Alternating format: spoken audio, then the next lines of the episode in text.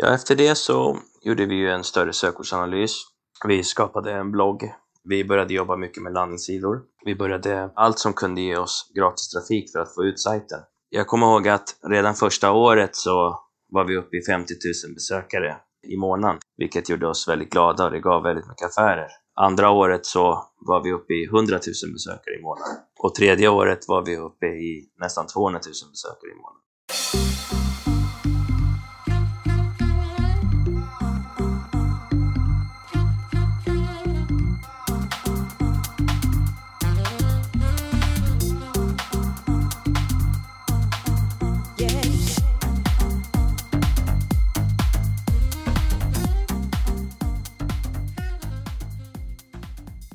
Välkommen tillbaka till Digital marknadsföring med Tony Hammarlund.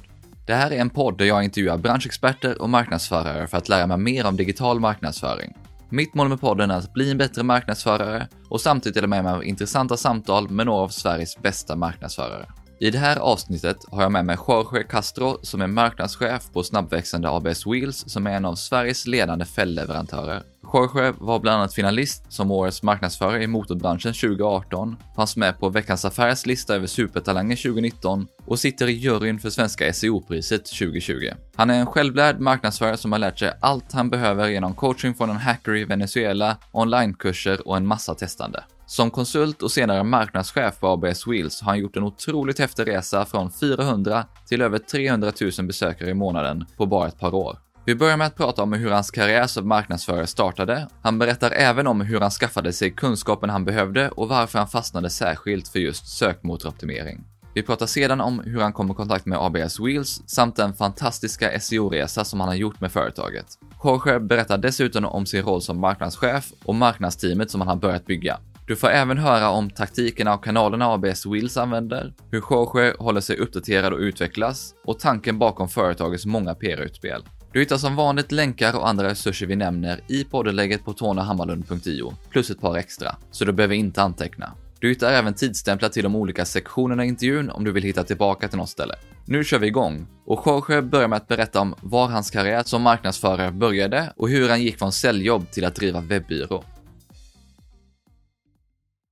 Ja, jag började som säljare egentligen först på ett företag som hette Go Excellent, numera Webhelp. De hade ett uppdrag från Viasat, så vi sålde tv-abonnemang och eh, det var då mot eh, privatpersoner. Jag eh, jobbade där i tre år. Under tiden så hade jag intresse för marknadsföring, främst SEO som jag var väldigt intresserad av. Jag byggde små egna hemsidor, bland annat en sida som sålde tandblekning som jag gjorde för mig själv egentligen. Och det var mer bara för att testa. Jag lyckades ranka upp den till ordet tandblekning och det var då jag började få mer, mer känsla för just marknadsföring. Men hur gick du från jobbet som säljare till att driva en egen webbyrå och att bygga webbsidor för andra personer? Det som gjorde att jag tog steget över var egentligen att jag tröttnade faktiskt på försäljning. Det var, vi sålde ju samma saker gång på gång så, så det var lite tråkigt till slut. Då kände jag, jag vet inte, jag var mer sugen på att tjäna ännu mer pengar. Jag hade väldigt bra, bra lön då. Jag brukade ju skoja mina chefer att jag tog ut direktörslöner. För jag hade väldigt bra provision. jag kände att jag ville ha mer så att jag bestämde mig för att starta som en konsult eller webbkonsult. Men hur mycket kunde du om webbdesign och programmering då? Det roliga är att jag kunde ingenting då. Alltså jag kunde verkligen ingenting. Utan jag tänkte, jag är bra på att sälja. Jag ska lyfta telefonen, ringa och sälja hemsidor till nystartade företag. Det var så jag tänkte. Hur jag ska leverera är att jag ska gå in på Fiverr, som är en sida där man köper tjänster väldigt billigt. Där ska jag hitta folk som för 10-15 dollar ska bygga sajten åt mig. Det lyckades jag göra och jag höll på så ganska länge. Sålde in väldigt många hemsidor och lite enklare SEO. Den tiden kunde jag alltså ingenting om SEO och som sagt ingenting om hemsidor. Det blev en förändring för mig när kunderna började eftersöka andra typer av sidor, lite med fler flikar, lite annan design. Jag kunde helt till exempel inte ge dem supporten eftersom att jag inte själv förstod hur man byggde sidor. Så det var ju helt knasigt från början. Så jag hade egentligen tur då att jag kom i kontakt med Ruben. Ruben är egentligen en person som jag träffade på nätet, kom från Venezuela, talade samma språk som mig, jag är förvisso från Colombia. Vi blev väldigt goda vänner online. Han eh, är lite av en datahacker och han byggde en sajt åt mig. Och jag kommer ihåg att jag ställde frågan till honom, kan inte du lära mig allt det här? så att jag själv kan göra det här och så kan vi starta en liten byrå tillsammans så får du lite extra när jag får mycket att göra sen. Ja, men absolut. Eh, du behöver inte eh, ge mig någonting mer än att bara betala för eh, coachningen eller vad vi nu ska kalla det för skolan. Så kom vi överens om det och då kom vi överens om att jag skulle pröjsa han 5 dollar om dagen. Så skulle han lära mig allt från början. Och vad var det han lärde dig då? Då började vi med CSS, grunderna i HTML, hur man installerar Wordpress, FTP, hur man installerar ett tema, vilka teman man ska använda, hur man gör det responsive, hur man sökordsoptimerar en hemsida ordentligt och då menar jag genom verktyget Yoast. Så det var väldigt basic då, men för mig var det där jättemycket information och, jag tyckte det var asroligt, kommer jag ihåg. Så vi höll på sådär i typ sex månader tills jag kände mig trygg. Inom loppet av sex månader kunde jag bygga sajter. Jag kunde experimentera mer med SEO än vad jag kunde tidigare. Jag förstod mig mer på det här med webben och då kunde jag ta till mig lite större uppdrag och ge support till kunderna. Men problemet är att Ruben var väldigt politiskt aktiv. Han var mot den här eh, Hugo Chavez den tiden, så han eh, vart fängslad. Så jag har inte haft kontakt med honom sedan dess, tyvärr. Så jag kunde inte lära mig mer, mer saker. Så jag fick ta saken i egna händer och gå vidare. Då tog jag små kurser. Eh, jag gick bland annat Backlinkos SEO-kurs. Han är mästare på SEO. Jag testade mig fram. Jag har gjort väldigt mycket misstag och det är egentligen så jag har lärt mig. Kort sagt så, eh, grunden till det hela är egentligen Ruben faktiskt. Så vart han än är så får jag säga tack till honom. Ja, vi får skicka ut ett eh, tackmeddelande till Ruben. Jag vet ju att du idag är extremt duktig på SEO. Så hur gick du från att bygga webbsidor till att arbeta med SEO som du gör idag? Jag eh, kom i kontakt med väldigt många. Som sagt, jag var ju bra på att sälja så jag sålde in mig själv och eh, gjorde många hemsidor. Dels inom just eh, skönhet. Där var jag väldigt duktig där.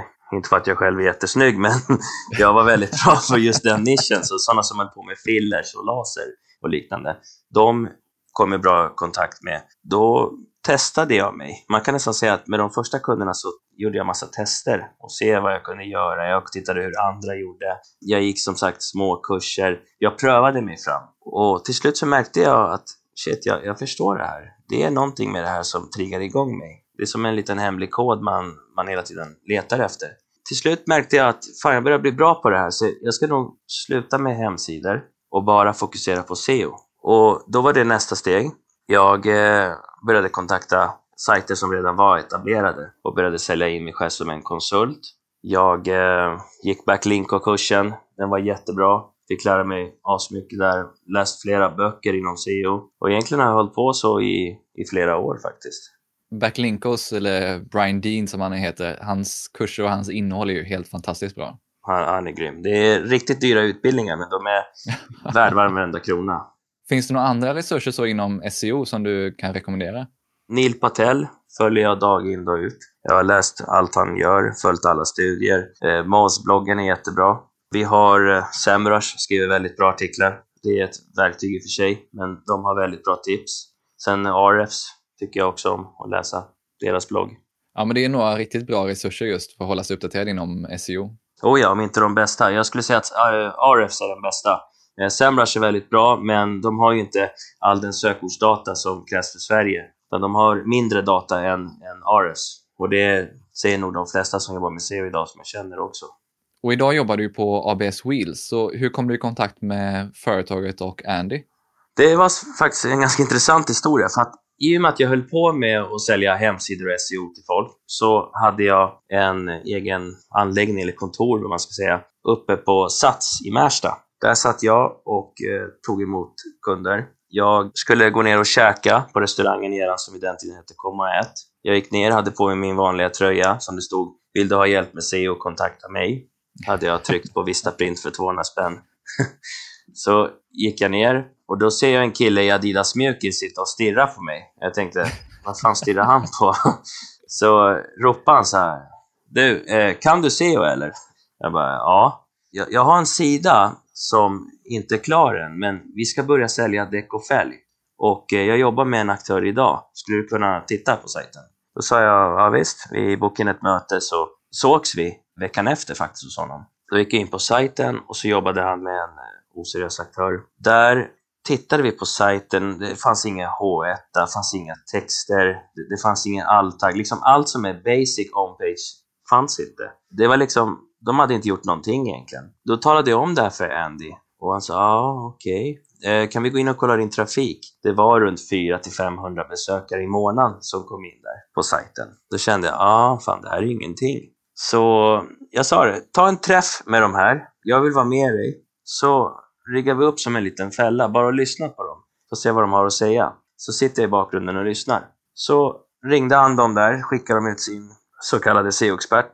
Satt han där. Jag hade ju redan förberett allting. Så han pratade, nej men du syns på det här och vi har ett skript på din sida som gör allting och drog igång massa bullshit. Då hoppade jag in där och satte stopp för allting. Jag kommer ihåg att han var helt tyst, killen.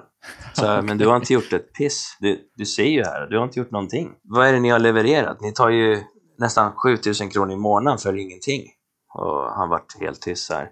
Och då sa jag, det här är on-page, det här är off-page. On-page, du har inte gjort någonting. Det finns till och med gratisverktyg som sågar det ni har gjort. Det finns ingen plan bakom det här. Ja, det är inte jag som har gjort det.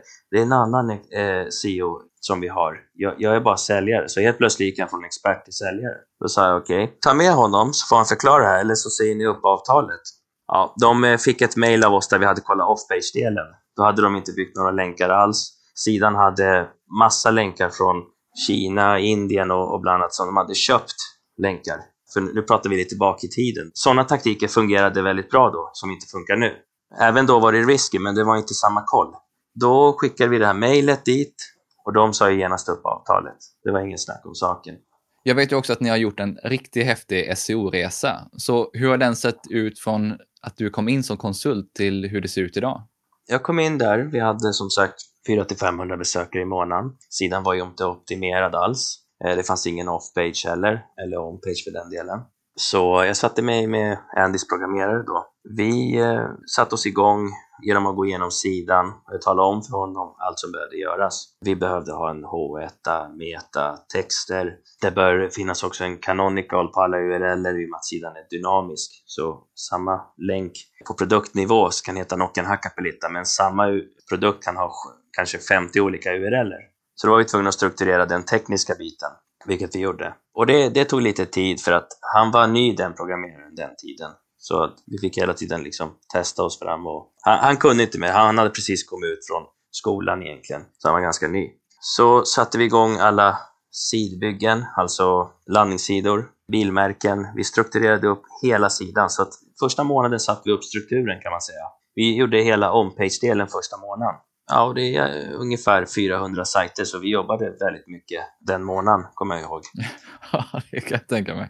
Och eh, vi såg på väldigt kort tid, när vi hade satt upp den här strukturen, att wow, de här 500 besökarna var helt plötsligt uppe i 10 000 efter ett tag. Och då började Andy förstå det här med, med SEO. För han är väldigt smart annars, Andy. Alltså det är bland de smartaste människorna jag känner faktiskt. Men när det kommer till SEO så han är väldigt idérik, men han är inte så insatt i det. Men han förstod väldigt lätt. Så han la ner väldigt mycket själ och tid i projektet så att jag och Sadiq, då, den dåvarande programmeraren, kunde jobba ihop. Och utifrån eh, ökningen av trafiken så förstod vi att det finns big business inom däck och fälg.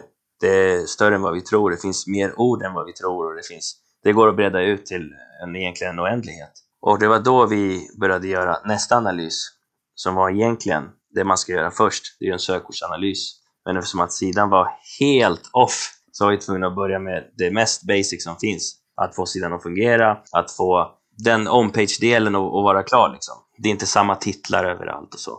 Och från att ni då har kommit upp i omkring 10 000 besökare per månad och ni har fått koll på den bas-SEO och den tekniska delen, hur gick ni vidare sen efter det? Ja, efter det så gjorde vi ju en större sökordsanalys.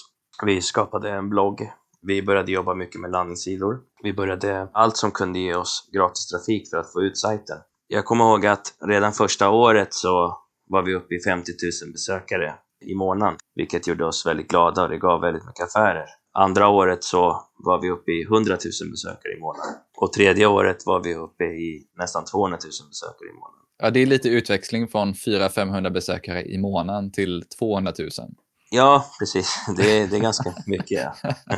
Eh, men vi gjorde väldigt mycket, alltså det, det är inte bara SEO, utan vi satte igång de sociala medierna som inte var aktuella då, utan då satte vi igång att vi skulle vara mer aktiva på sociala medier, vi skulle posta fler bilder, vi skulle synas där konkurrenterna synas, vi skulle börja jobba med PR, vi skulle börja jobba med gerillamarknadsföring, för som sagt, vi hade ju ingen budget då. Så i början var det väldigt mycket att hitta sätt att kunna nå ut till folk utan att pröjsa för det. Hur mycket trafik har ni på sajten idag då? Idag, man kombinerar allt som kommer in från SEO, sen och sociala medier och e-postmarknadsföring samt de direkta sökningarna så når vi ungefär 300 000 besökare i månaden. Ja, det är lite skillnad. Vad skulle du säga är de främsta nycklarna till den lyckade SEO-resa som ni har gjort de senaste åren? Vi har haft en bra teamkänsla från början. Vi har haft tydliga mål, vi har sett visionen framför oss. Vi har redan tidigt tänkt att vi ska bli bäst på fälg, vi ska vara störst på fälgar. Det bara är så. Och den tanken har vi hela tiden haft, i alla fall jag och Andy, från att vi har suttit på lunchrasterna och ritat på papper och, och pratat till att vi sätts på helger och kanske grillat och kommit på idéer. Så vi, har ju, vi pratar ju väldigt mycket på fritiden också. Så det, hela tiden, det har varit väldigt bra relation sinsemellan. Och det tror jag har varit väldigt viktigt för oss för att vara där vi är idag med trafiken så det har varit väldigt viktigt att vi redan från början har kommit överens och samarbetat bra. Vi pratade tidigare om att ni har byggt jättemycket landningssidor och satellitsidor och så vidare under den här tiden. Så vad har den här typen av taktiker gjort för SEO och trafiken som ni har lyckats driva? Det har varit väldigt fördelaktigt givetvis för att just den här trafiken har gjort att vi har ju expanderat så otroligt. Om man tänker landningssidor har ju gjort att vi har tagit över marknadsandelar som vi egentligen kan ha på vår egna sajt men som vi väljer att inte ha där. Så vi har skapat guider på nätet, sidor som ger information, verktyg, allt sånt där som genererar trafik men som egentligen ägs av ABS. Sen så har vi givetvis skapat landsidor på våran sajt också som genererar väldigt mycket trafik. Det kan vara allt från long tail till short tail till money keywords. Det kan liksom vara olika grejer. Vad är de mest lyckade sidorna som ni har byggt? Alltså de mest lyckade var ju faktiskt ett testprojekt som vi gjorde. Det var sökfrasen “Vem äger bilen?” Jag tror att det är över 300 000 sökningar per år faktiskt. Och då ville vi ju fiska mejladresser samtidigt som vi ger kunden informationen om vem som äger bilen. Då satte vi igång sajten, vi rankade upp den, låg etta i ungefär två månader, fick tonvis med mejl och sen så var det ner på tvåa, trea, nu tror jag senast igår låg vi fyra, för nu är Transportstyrelsen uppe igen då. Men jag tror vi fick, i alla fall sen vi startade, drygt 80 000 mejladresser. Och det är sådana som vi vet är intresserade av antingen en bil eller så har de en bil. Och, och det är sådana som vi kan sen mejla eller ge erbjudanden till. Och sen nämner du att ni har också arbetat väldigt mycket med en blogg. Så vad har den typen av innehåll som ni har skapat gett för er? Det har varit väldigt lärorikt. Om man tänker Wikipedia inom däck och fälg. Vi har skapat en sån guide, så det har varit ifrån Kan ett däck sprängas? är ju en, en långtail-sökfras exempelvis. Då har vi skapat en sida för det och tagit med all innehåll om det och kanske visat ett däck som sprängs till vad väger ett bildäck? Liksom enkla frågor som människor ställer, de har vi valt att svara på. Så vi har gjort en väldigt stor faktabank. Jag tror att vi är uppe i över 500 sådana artiklar. Och hur mycket trafik genererar den här typen av Wikipedia-bas för däck och fälg? Jag skulle säga att det är ungefär 300 000 per år ungefär. Ja, men det är en ordentlig bit av den totala trafiken som ni driver då egentligen. Du började som konsult men idag marknadschef på ABS. Hur gick den här resan till? Resan gick ju egentligen till att jag kom dit som konsult. Eh, jag visade framfötterna väldigt snabbt så Andy valde att anställa mig. Han sa jag matchar det du tjänar idag så får du hos mig. Så slutar du upp med alla dina uppdrag och bara jobba för mig. Det var lite maffialikt men det funkade ju, så jag nappade ju på det där. Eh, det tog eh, sex månader tror jag. Sen så var jag fastanställd på ABS Wheels. Så sex månader efter att du började att titta på de här 400-500 besökarna som sajten hade då? Precis. Hur ser din roll ut som marknadschef idag då? Den är eh, ganska stor och jag skulle säga jag gör mycket försäljning, jag är inblandad i marknadsföring. Jag är också inblandad i själva ledarskap när Andy är borta. Jag hjälper han med det som han behöver göra. Men huvudfokusen är marknadsföringen och då är det egentligen att se till att vi hela tiden har mer trafik, att vi hela tiden jagar nya kanaler, att vi hela tiden konstant har samarbeten med folk, att vi går ut på e-postutskick. Det kan vara till exempel när jag kontaktar Hemmakväll som säljer godis. De har ju en e-post på nästan en miljon svenskar. Då såg vi till att ABS kom ut i deras utskick. Och många tänker ju säljare och godis, det går inte ihop. Men det man får tänka är ju brandingen. En miljon svenskar och så får du tänka att de får ju ett erbjudande. Vi fick in faktiskt över 100 beställningar på fälgar på det här utskicket som inte kostade någonting, som bara var ett vanligt LinkedIn-mail. Och sådana här utskick gör vi konstant, att vi samarbetar med företag med att ge vårt erbjudande till dem så att de kan ge det till sina följare. Rollen i sig är ju egentligen att jaga trafik, alltså jaga cashen. Det, det, är, det, som, är, det är det som är mitt jobb. Vad arbetar du med främst idag då? Främst är det ju SEO som jag sitter med. Affiliate-marknadsföringen sitter jag också med. Det är egentligen SEO som är det främsta jobbet faktiskt. Hur ser marknadsteamet ut idag då? Det är jag, Alicia och Rebecca. Alicia sitter med sociala medier och Rebecca hjälper mig med content. De eh, jobbar inte heltid här utan de är egentligen projektanställda kan man säga. Så de kommer in då och då. Nej, men jag kan tänka mig just de stora följarskarorna som ni har i sociala medier. Det kräver ju en person bara att hålla koll på det. Det stämmer. Vi eh, har runt 35 000 följare på Facebook. Det kanske låter lite för den som lyssnar, men om man tänker i våran bransch, motorbranschen, så har de stora kedjorna typ 5000 följare i snitt. Så att vi är ju väldigt stora och vi märker ju att när vi gör någonting så kopierar de andra. Det har ju blivit så tyvärr, så vi brukar skratta oftast. Men är det någonting vi gör som är roligt eller någon meme eller någon tävling så härmar ju de andra. Vad tittade du på när du rekryterade Alicia och Rebecca? Jag tittade främst att de skulle vara som mig, alltså väldigt... Jag har ju ADHD, så jag är väldigt dampig av mig och jag vill att saker ska gå fort och det ska vara pang och, och jag har inga problem att jobba 15 timmar en dag. Jag är liksom igång konstant och jag trivs så. Så jag ville hitta människor som är väldigt drivna och som har så här farligt hunger. Och det såg jag hos de här två. För de, de var väldigt roliga, alltså de, taggade. Det, det gillar jag. Så jag kollar att, att personen är taggad och har många idéer i luften. Det är jätteviktigt. Jag vill inte ha någon som är trött och sitter där. Och vilka kompetenser så tittar du efter? Det ska vara bra svenska. Det ska finnas en viss utbildning eller kanske någon kurs så att man förstår data, så att man förstår datadrivna beslut, eh, varför man gör saker. Alltså helst att man har gått någonting inom sociala medier eller att man har lite erfarenhet när de kom in här, så de första två veckorna så lärde jag dem hur vi tänker på ABS. När vi får ut någonting, hur vi kommunicerar med kunden. Ibland kan det vara en bild på någonting som våra konkurrenter skulle tänka, nej, det där går inte att posta. Men som vi gör ändå, för att vi vet att det skapar klick och det skapar kommentarer och liknande. För sociala medier är ju en sån plattform, man måste våga. Sen ska man ju självklart inte lägga upp felaktiga saker heller, men just roliga memes är ett bra exempel som genererar många klick och som skapar engagement. Så de fick liten kurs kan man säga i hur vi vill promota oss. Hur ser du att marknadsteamet och företaget kommer utvecklas framöver här då?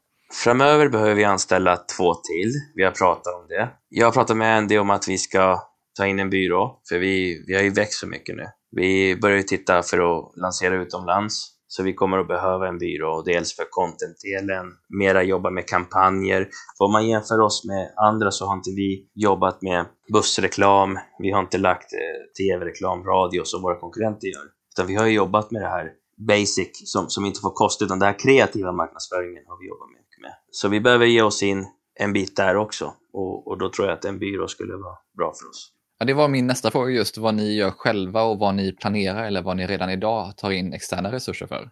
Helt ärligt gör vi allting själva idag faktiskt. Det finns nog ingenting som vi tar in hjälp för, tyvärr. SEO har vi varit inne på är ju en jätteviktig kanal för er, men vad använder ni för andra kanaler eller taktiker i er digitala marknadsföring? Vi har väldigt många kanaler. Vi eh, brukar skoja att vi har väldigt många fiskespön ute. Så vi har väldigt mycket e-postmarknadsföring. Vi kör ett verktyg som heter Clavio. Vi eh, tar in kunden så är han inne på däck och prenumererar eller klickar på någonting så autogenererar vi ett mail om just det han var inne på. Här är tio bra sommardäck exempelvis. Vi kör också väldigt mycket Facebook. Där är vi väldigt starka. Vi kör eh, Instagram. Vi är inte så bra på Twitter, men vi ser inte att Twitter är någonting stort i Sverige för just däck och fälg. Vi jobbar väldigt mycket med PR. Gerillamarknadsföring är vi väldigt aktiva med. Egentligen kort och gott skulle jag säga att mycket growth hacking ligger bakom för att sammanställa allt i ett. Du sa det att ni satsar väldigt mycket på Facebook. Så vad gör ni där, både organiskt och betalt? På Facebook, vi har inget betal, utan vi kör allt organiskt. Vi lägger upp roliga bilder, vi gör mycket memes, vi lägger upp fälttävlingar. Varje fälttävling kan nå mellan 2 till 400 000 svenskar och då väljer vi ut någon som eh, vinner ett par fälgar och har en tävling. Det har vi kört varannan vecka nu, så det har nått sjukt mycket folk. Vi har ju anordnat tävlingar. Men hur kommer det sig att ni valt att bara jobba organiskt? Vi har egentligen tänkt det mest ekonomiska för ABS eftersom att man får inte glömma att vi växer ju fortfarande. Alltså, vi är inte så gamla i branschen som man tror. Själva företaget har ju funnits sedan 1999, blev ett aktiebolag 2012, men man gav sig in på internet runt 2014. Man måste tänka att bolaget har hållit kapitalet inne kan man säga för just marknadsföring. Så vi har ju hittat sätt att komma ut på som inte ska kosta någonting för företaget, utan det ska vara så vinstdrivande som möjligt. Och det har gjort att Andy har kunnat spara väldigt mycket för att expandera längre fram när det verkligen behövs. Men i början så har vi varit väldigt smarta egentligen och försökt se marknadsföring som någonting som det egentligen ska vara. det handlar om kreativitet. Du ska ju nå ut till människor. Det ska inte kosta allt för mycket. Så vi har haft lite det mentaliteten, lite gerilla-style, gerilla-marknadsföring. Vi pratade också inför den intervjun om att ni arbetar en hel del med affiliates. Så hur gör ni det? Vi jobbar genom ett nätverk som heter Attraction. Vi jobbar med all typ av affiliate-marknadsföring, allt från prisjägarsidor till content-sidor till sajter som är nischade för just väljare. Då ser vi till att betala endast för orden. Så vi har inget klick eller liknande vi betalar för, utan vi har väldigt fasta regler att har personen eller affiliaten gett oss ett köp så får han sin provision. Och genom att arbeta så så håller vi alltid kostnaderna i schack. För då betalar vi bara när vi får in en affär. Jobbar ni bara med externa nätverk så eller har ni något eget också? Vi har även ett eget nätverk som vi har skapat själva. Man skulle kunna kalla det ABS egna affiliate-nätverk. Det är egentligen någonting som vi har byggt genom att ringa till olika microinfluencers och sälja in ett system som vi själva har byggt där genom länkning får de, om de länkar till oss och det ger en affär så får de en kickback av oss. Eller att eh, influencers i bilbranschen har egna rabattkoder med sina namn. Det är någonting vi också använder oss mycket av. Varför valde ni att även starta ett eget nätverk? Återigen är det att hålla kostnaderna nere. Vi vill ju tjäna så mycket som möjligt. Ja, för du nämnde ju också det här med PR. För när man googlar på er så hittar man ju mängder med olika artiklar och olika sociala uppdateringar. Så hur använder ni PR i er marknadsföring? Det är ju som sagt väldigt datadrivet för oss. Vi gör ingenting som inte är datadrivet eller som backas upp av data. Så vi kan se att en undersökning som fungerade i USA för sju år sedan gav så här många klick och gav så här många miljoner views handlade om det här. Då vet vi, okej, okay, det finns ett intresse om det här. Då ställer vi samma fråga till den svenska befolkningen. Så ställer vi ut det, samlar in svaren och sen går ut med det här i ett PR-utskick. Och då skriver alla medier om det. För att är det intressant oftast utomlands så är det intressant här. Sen gäller det att pitcha rätt och visa att här skrev det här miljardföretaget om det här då och nu har vi producerat något liknande så att man intresserar journalisterna. A Steel with Pride heter det va? Precis. Vilka är de häftigaste kampanjerna ni har gjort så här långt då? Oj, det är många, men eh, det finns en som, som eh, det talas om än idag och det var tatueringstävlingen vi gjorde. Då gick vi ut på Facebook och på Instagram och sa att den som tatuerar in AB Swiss logga på kroppen, stort inte litet, får fyra fälgar. Anmäl er här. Det var kaos. Alltså det, vi fick över 580 anmälningar. Människor som ville gadda vår logga på sin kropp för att få fyra fälgar. Och det gjorde vi väldigt smart att vi valde ut fem personer som vi systematiskt valde ut att den här personen är från Kalmar, den här är från Göteborg, den här är från Stockholm. Vi tog storstäder, en av varje. Så valde vi ut fem vinnare som fick gå hela vägen och tatuera sig. Det kostar inte mycket för oss för att de betalade själva sin tatuering och vi skickade ut fyra fälgar. Det kostar inte så mycket för bolaget, men vi fick ut väldigt mycket artiklar. Det var ju medialt, till och med Aftonbladet skrev om det här. Ja, det har blivit mycket surr sen dess, för att det är många som frågar idag när ska ni ha den här jävla tävlingen igen? Jag, jag vill gadda mig. Vissa står med loggan i handen. Så, så det har blivit lite, lite buzz kring det där. Vilket typ av resultat kan man få av en sån kampanj? Dels att följarskalan ökar och sen att man är lite crazy. Men mitt syfte med kampanjen var ju att människor skulle se ABS Wheels som ett varumärke man är beredd att tatuera in på kroppen. Det är så starkt. Det, det var liksom känslor i det här. ABS Wheels is for life. Det var det vi ville få ut och det lyckades vi väldigt bra med. För det är sånt som vi använder idag i vår marknadsföring. Titta här, människor gaddar våran logga. Det är, liksom, det är stil och klass bakom att köra med ABS-fälgar. Ja, Harley Davidson har vi gjort något sånt tidigare. Ja, även SAS. Det var Steel with Pride där också. Men hur viktig har den här typen av kampanjer och PR-utspel varit för tillväxt? Väldigt mycket faktiskt. Det ser man på direct searches på Google att ordet ABS Wheels hade ett hundratal sökningar förut. Numera söks ordet ABS Wheels 10 000 gånger. ABS-relaterade orden kring våra produkter har också femfaldiga, alltså det har dubblats fem gånger på väldigt kort tid. Man ser ju synergin från PR, människor som kollar upp vilka är de här, som eh, sen går in på vår sajt. Och då ser man att just den delen ABS-sökningar, alltså brand-korrelerade sökningar, har ökat markant. Jag var otroligt imponerad just när man googlade här inför den här intervjun just och såg alla artiklar som har skrivits om mig med allt från den här tatueringskampanjen till det var någon som före detta kriminell som pratade om låsbultar till däck och så vidare. Det, det fanns otroligt mycket innehåll och på många stora tidningar. Någonting som jag är jätteintresserad av att höra det är just hur du sätter mål för er marknadsföring och hur ni också följer upp det. Vi ser till att varje år öka med 20 procent. Har vi inte gjort mer än 20 procent så har vi misslyckats. Så varje år måste trafiken öka med 20 procent. Vi har lyckats med det sedan vi startade. Så det är ett mål vi följer. Varje månad måste det finnas minst två artiklar på nyhetssajter. Det är någonting vi också har lyckats med hittills. Det får inte vara mindre än två artiklar och då menar vi alltså i PR-syfte. Vi ska inte nå mindre än 500 000 svenskar per månad genom sociala medier. Det är också ett mål. På SEO så ska vi se till att öka. Där har vi ingen procentuell del. För att SEO, du kan inte öka det så snabbt heller. man måste jobba med långsiktighet. Och sen så på affiliate marketing och AdWords och allt sånt där som man har, att se till att minska ner kostnaderna konstant så att kostnaden per order blir så låg som möjligt. Hur följer du upp den här typen av mål? Går in på Analytics främst och tittar och sen genom Facebooks egna Analytics, som vi ska kalla det så, går vi in och tittar där. Och de har ju klar data som vi kan följa. Och PR, så är det via Mention eller vad har du för typ av verktyg du använder där? Vi använder MyNewsDesk för att använda oss av PR och distributionen. Sen så har vi också ett eget nätverk av journalister som vi själva pitchar. Vissa av dem, när vi inte får in en artikel så ringer vi så vi kan köra det här gamla med old school, att ringa och pitcha in en artikel. Det brukar funka väldigt bra faktiskt. Lite tjatigt men det funkar ju. Så vi skulle säga främst MyNewsDesk. Så vilka olika tjänster eller verktyg använder du och ditt team i ert arbete? Vi använder mycket RFs. Vi använder verktyget Mentions som är väldigt bra. Mentions går ju ut och söker efter ord som du vill veta mer om. Så är det någon som skriver om fälgar någonstans så får vi en notis om det. Skriver någon, någon om ABS så får vi notis om det. Och då håller vi koll konstant på branschen, lite som en nyhetsbevakare. Typ. ARS använder vi för att se sökord som går upp, sökord som går ner, trafik som ökar respektive minskar. Vi tittar på konkurrenter, vad de gör, vad de inte har gjort. Eh, är det så att de har lagt upp någonting nytt eh, som har eh, drivit mycket trafik så kan vi gå in och titta. Är det någon ny landningssida? Så vi sitter väldigt mycket där och, och jagar data konstant. Vilka andra verktyg använder du förutom Ahrefs?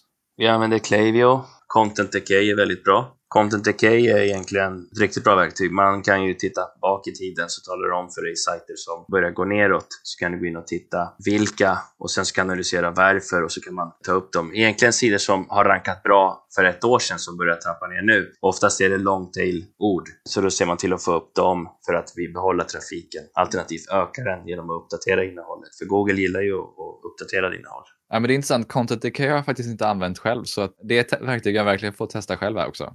Du var inne i början på hur du lärde dig mer om marknadsföring och framförallt digital sådan. Så hur håller du dig uppdaterad idag och utvecklas som marknadsförare? Jag är inne och prenumererar på Neil Patel, Masbloggen, Hrefs, Semrush. Jag är inne och kollar Brian Dean så fort han postar. Jag är inne på Udemy. Ibland kan jag bestämma mig för att gå småkurser. Det kan vara till exempel tutorials där människor har testat något nytt. De har gjort olika graph hacking. Då går jag in och läser går igenom hela och snor lite idéer och sen gör en touch till oss själva. Jag eh, läser böcker ganska ofta faktiskt. Senast var det Adam Clarks bok SEO 2020 som är väldigt bra faktiskt. Du får nytt information. För att oftast är det att du, du läser ju sån info som känns ganska basic men ibland så är det tips och råd som du har glömt bort. Eh, andra har ett annat synsätt på hur du kan få länkar till din sajt som du sen tänker, ah, det, det var faktiskt bra gjort vi kan ju nog göra så här. Så jag håller mig väldigt uppdaterad. Så. Och så läser jag såklart Search Engine Land där jag dagligen tittar på SEO-nyheter. Ja, för att hålla koll på nyheterna specifikt då. Nej, men det är kul att säga det om det här med böcker och att läsa för att det, är ju, det räcker att man får med några enstaka insikter hela tiden för att man kan pussla ihop det här till den här stora bilden som man behöver. Att det behöver inte vara jättestora saker man hittar hela tiden. Vilka är de viktigaste resurserna om du skulle tipsa någon annan att kolla in någonting då? Om du menar att lära sig grunderna inom SEO eller förstå SEO eller få idéer inom SEO så är det faktiskt Neil Patel som jag skulle titta på. Artiklarna är väldigt långa men det kan vara värt att läsa. Det är egentligen Backlinko, det är en blogg. Ja, han har ju fantastiska guider som sagt. Det är väldigt stora guider och uh, bra undersökningar som han har gjort. Mm, verkligen. Innan vi avslutar skulle jag också vilja kolla lite vad man följer dig och ABS Wheels allra bäst någonstans. ABS Wheels hittar man bäst på egentligen alla sociala medier, men egentligen bäst på Facebook, för det är där vi är aktivast. Där skriver vi om senaste nytt, publicerar roligheter och annat kul. För att hitta mig så är det egentligen bara på LinkedIn. Annars har jag ju min privata Snapchat, men den delar jag inte med mig av. Jag lägger upp andra roliga saker. Men eh, min LinkedIn skulle jag rekommendera. Tack så hemskt mycket för idag, Jorge. Tack själv. Jag är grymt imponerad över hur Jorge har gått från säljjobb till specialist på SEO och marknadschef på snabbväxande ABS Wheels. Och att sedan få höra om hur han och företaget har gjort deras tillväxtresa med minimal marknadsbudget. Det är riktigt häftigt. Jag har som vanligt tagit mängder med anteckningar från intervjun med allt från smarta verktyg till boktips. Och här är några av insikterna jag tog med mig. Att det finns många vägar att ta till rollen som marknadschef och hur smart det kan vara att ta hjälp av en coach eller mentor. Jag fick ännu en bekräftelse för hur viktigt och otroligt kraftfullt sökmotoroptimering är som grund för ett företags tillväxt. Och sen fick jag en hel del idéer efter att ha hört om hur Jorge och ABS Wheels arbetar med PR-utspel, kampanjer och samarbeten. Jag vill gärna höra dina tankar och vad du tog med dig från avsnittet, så skicka gärna ett meddelande eller en kontaktförfrågan till mig på LinkedIn. Du hittar som vanligt länkar till de resurser vi nämnde i poddinlägget på tonyhammarlund.io. Och har du några frågor till Jorge så kan du ställa dem i kommentarerna direkt in i poddinlägget. Gillar du det här avsnittet och podden så vill jag som vanligt påminna om att prenumerera och tipsa gärna andra om podden. Avslutningsvis vill jag passa på att tacka Mikael på Newbeers Music som hjälper till med att producera den här podden och stå för musiken. Vi hörs snart igen med fler intressanta gäster och ämnen.